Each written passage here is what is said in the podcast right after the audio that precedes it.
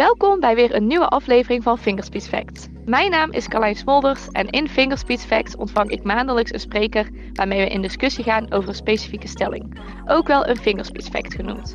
De vorige sessie sprak ik met Ian uh, over hoe iedereen creatief is en hoe jij deze creativiteit jezelf naar boven haalt. Uh, mocht je die podcast, podcast nog niet geluisterd hebben, dan kun je die gewoon via ons account terugluisteren. Um, en ontdek je dus hoe ook jij die creativiteit uit jezelf kunt halen. En de stelling van vandaag is: door marketing operations blijf je een stap voor op je concurrenten. En uh, bij mij in de studio is Tim van IJsendoorn, Innovation Manager en partner bij Fingerspeeds. welkom Tim, leuk dat je er bent ik kan me voorstellen, de term marketing operations is voor veel luisteraars misschien nog een beetje onbekend. Um, kun jij misschien wat meer vertellen over waar die term nou precies vandaan komt? Ja, zeker. De, ja, marketing operations is eigenlijk het, het samenspel van, van mensen, processen en technologie om, om marketing in goede banen te leiden.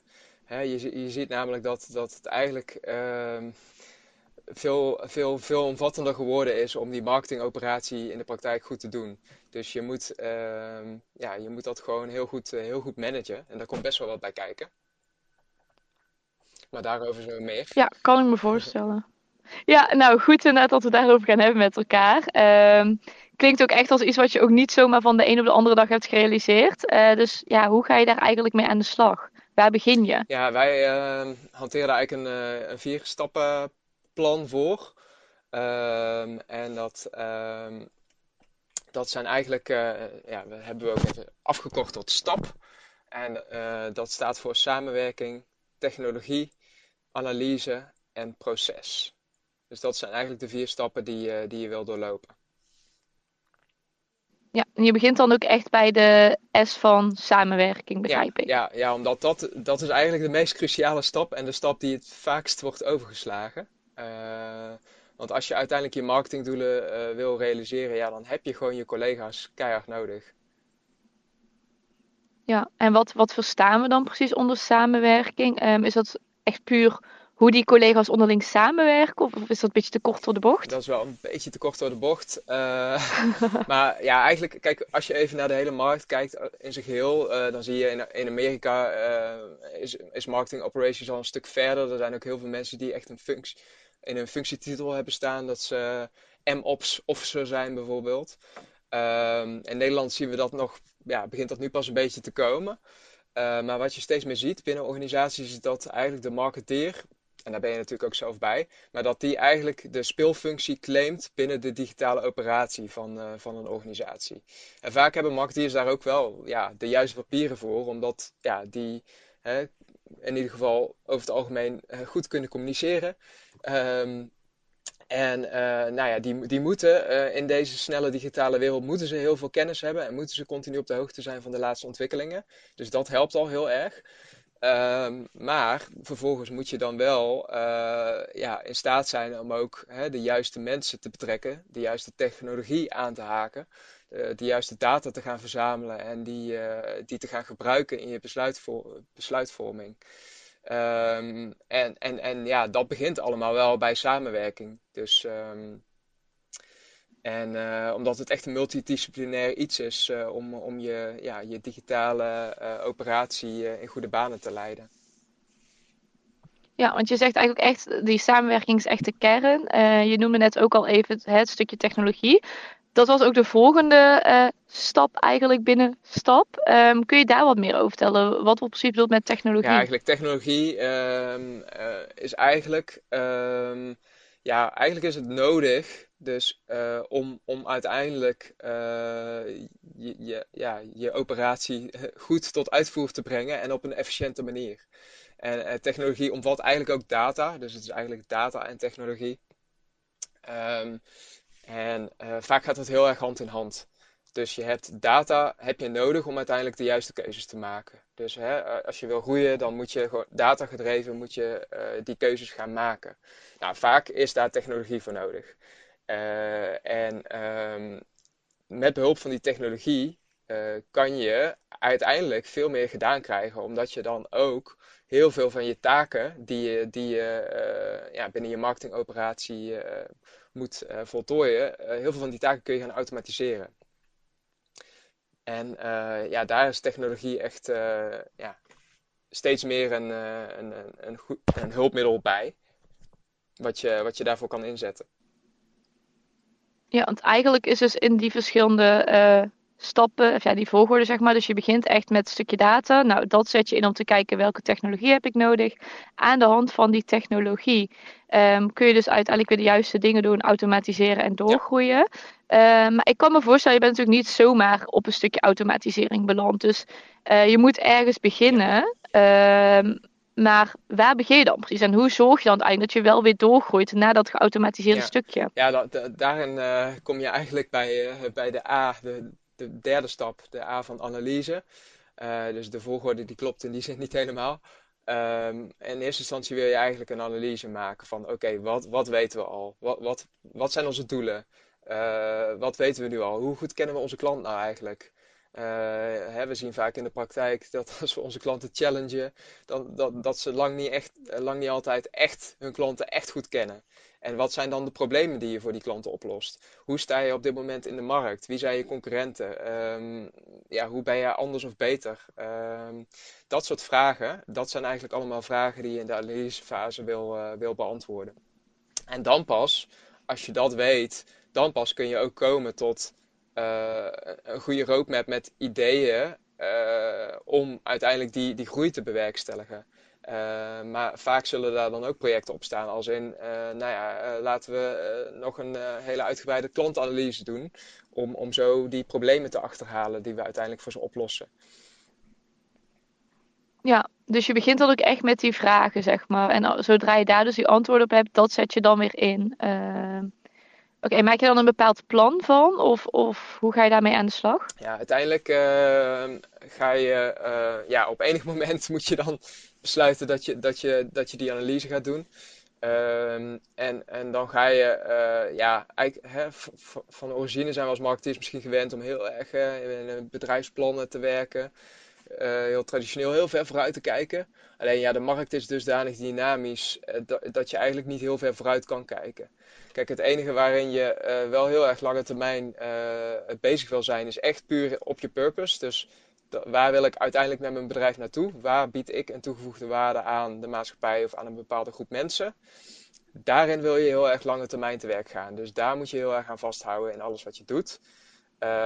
Maar als je puur kijkt naar de, de echte marketingoperatie, ja, dan wil je juist heel. Uh, uh, ja, wil je niet ver vooruit plannen, maar wil je wel alles ophangen aan je doelen.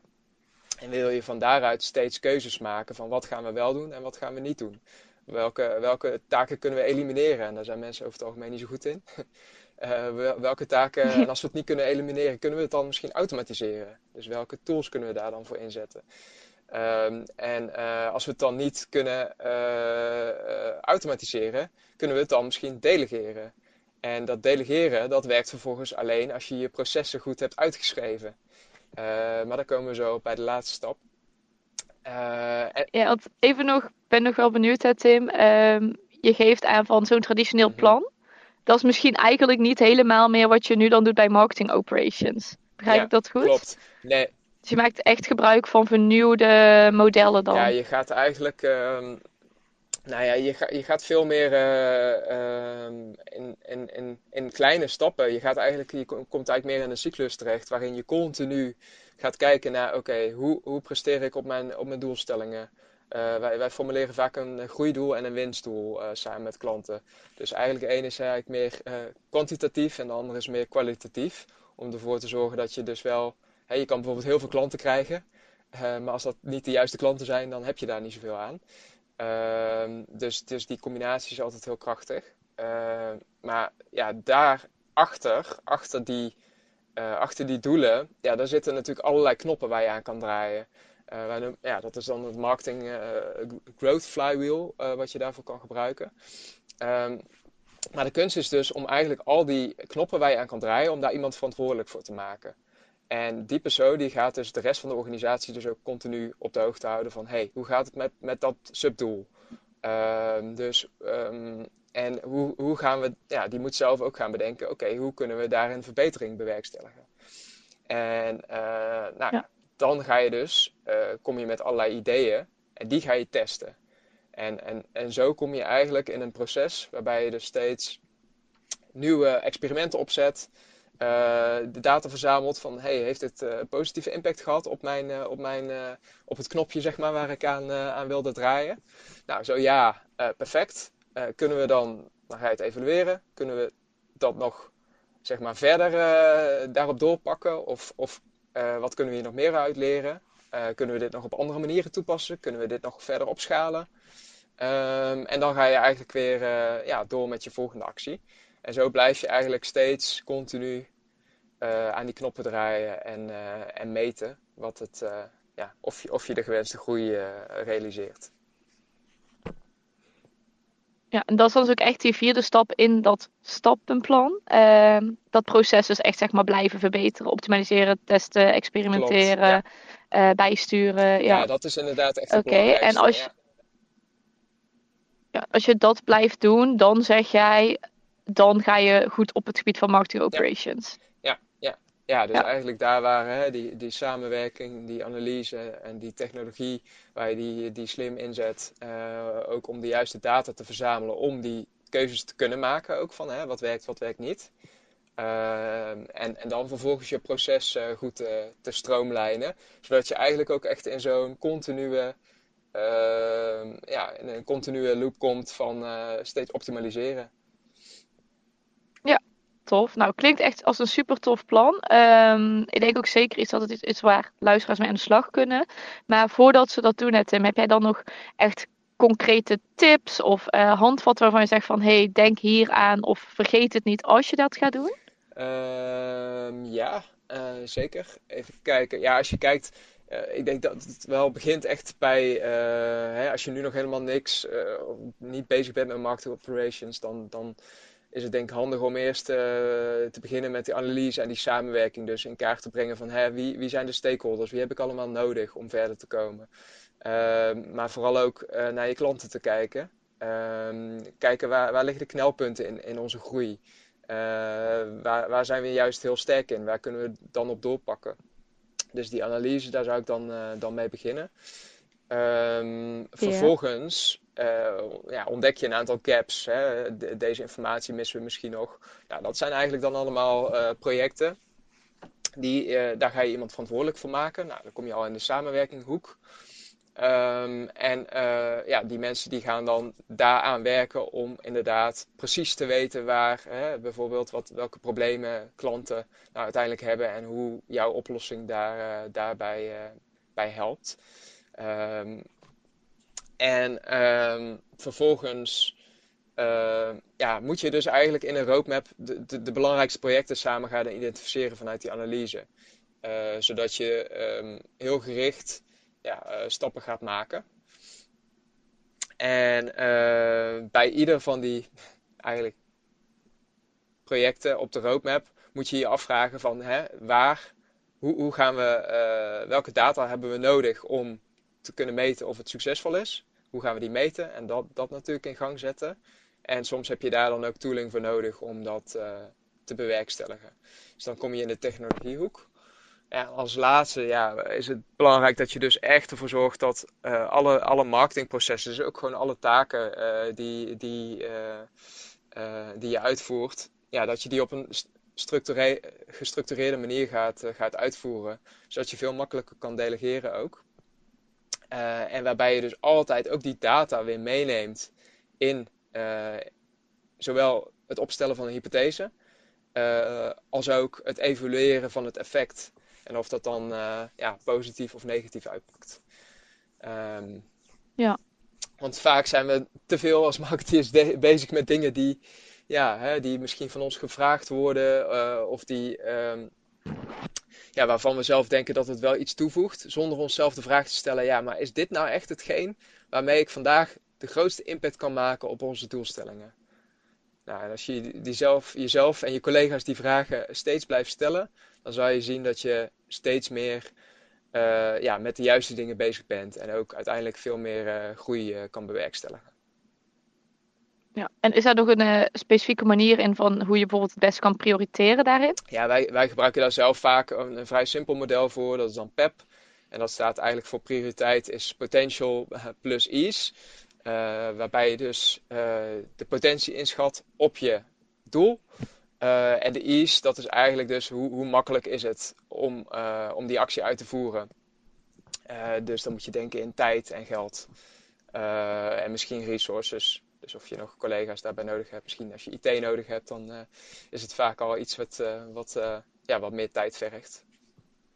Of waar, ja, zodat jij dan daarvan ook de beste keuzes kan maken. Misschien, ja, precies. En dan, ja. Dus dat is een makkelijk hulpmiddel daarvoor. Ja. Oké, super. Uh, we zijn alweer aan het einde gekomen van deze podcast, Tim. Ik weet het, het gaat echt mega snel voorbij. um, heb jij nog een laatste opmerking die je wilt plaatsen? Of, of um, zeg jij van, nou, ga er vooral lekker mee aan de slag? Nee, ik zou zeggen, ga er, uh, ga er lekker mee aan de slag. Dus uh, kijk, kijk ook zeker nog even de, de presentatie erop terug. Of die kan je waarschijnlijk ook opvragen bij Carlijn klopt inderdaad. Ehm, er komt ook een hele mooie infographic aan die we gaan delen in de Growth Lab. Uh, waarin eigenlijk de learnings van deze podcast en onze kennis en koffie worden gedeeld. Uh, maar vind je het nou toch fijn om die uh, volledige slides nog te ontvangen? Um, dan kun je uiteraard mij gewoon even een berichtje sturen en dan zorgen we dat je die ontvangt. Um, nou, uh, verder, mocht je nog geen lid zijn van die Growth Lab, waar je dat dus kan uh, inzien, dan meld je ook vooral even aan. Want we delen daar niet alleen resources, maar ook hele mooie experimenten en de laatste nieuwtjes. Uh, op dat gebied, onder andere op marketing operations gebied, maar ook op andere online marketing uh, trends en ontwikkelingen. Um, verder heeft onze podcast ook lekker een maandje vakantie. Dus waar we normaal gesproken um, weer een maand later met een nieuwe komen, uh, komt nu de volgende podcast in september. Um, en dan staat hij in het teken van Customer Journey Orchestration, waarbij ik in gesprek ga met mijn collega Mike, accountstratege op het gebied van data en automation. En Tim, ik vind het wel leuk om van jou te horen van um, waar zou je graag meer toelichting op willen als je gaat kijken uh, naar Customer Journey Orchestration? Um, ja, dat is een goeie. Uh, ik, ik ben wel benieuwd, nou ja, hè, met, met eigenlijk het verdwijnen van de third-party cookies. Uh, wordt het ook lastiger, lijkt mij, om die, uh, om die customer journey goed, ja, om daar goed alles in te kunnen meten en die daar controle over, over te hebben. Dus uh, mijn vraag aan Mike is eigenlijk, ja, hoe ga je daarmee om? Ja, dus hoe je bijvoorbeeld um, op andere manieren, hè, als die third-party cookies verdwenen zijn, toch de juiste data kan afvangen en kan gebruiken om die customer journey zo optimaal mogelijk in kaart te ja, brengen. Ja, inderdaad helder. Nou, dan gaan we dat sowieso doorgeven aan Mike. Um, Tim, ik wil jou echt super erg bedanken voor je input. Um, ik hoop dat alle luisteraars hier uh, lekker mee aan de slag gaan. En uh, voor de luisteraars, ik wil jullie bedanken uh, voor het luisteren. En ik hoop dat jullie er in september weer bij zijn bij de volgende podcast. Doei. Doei.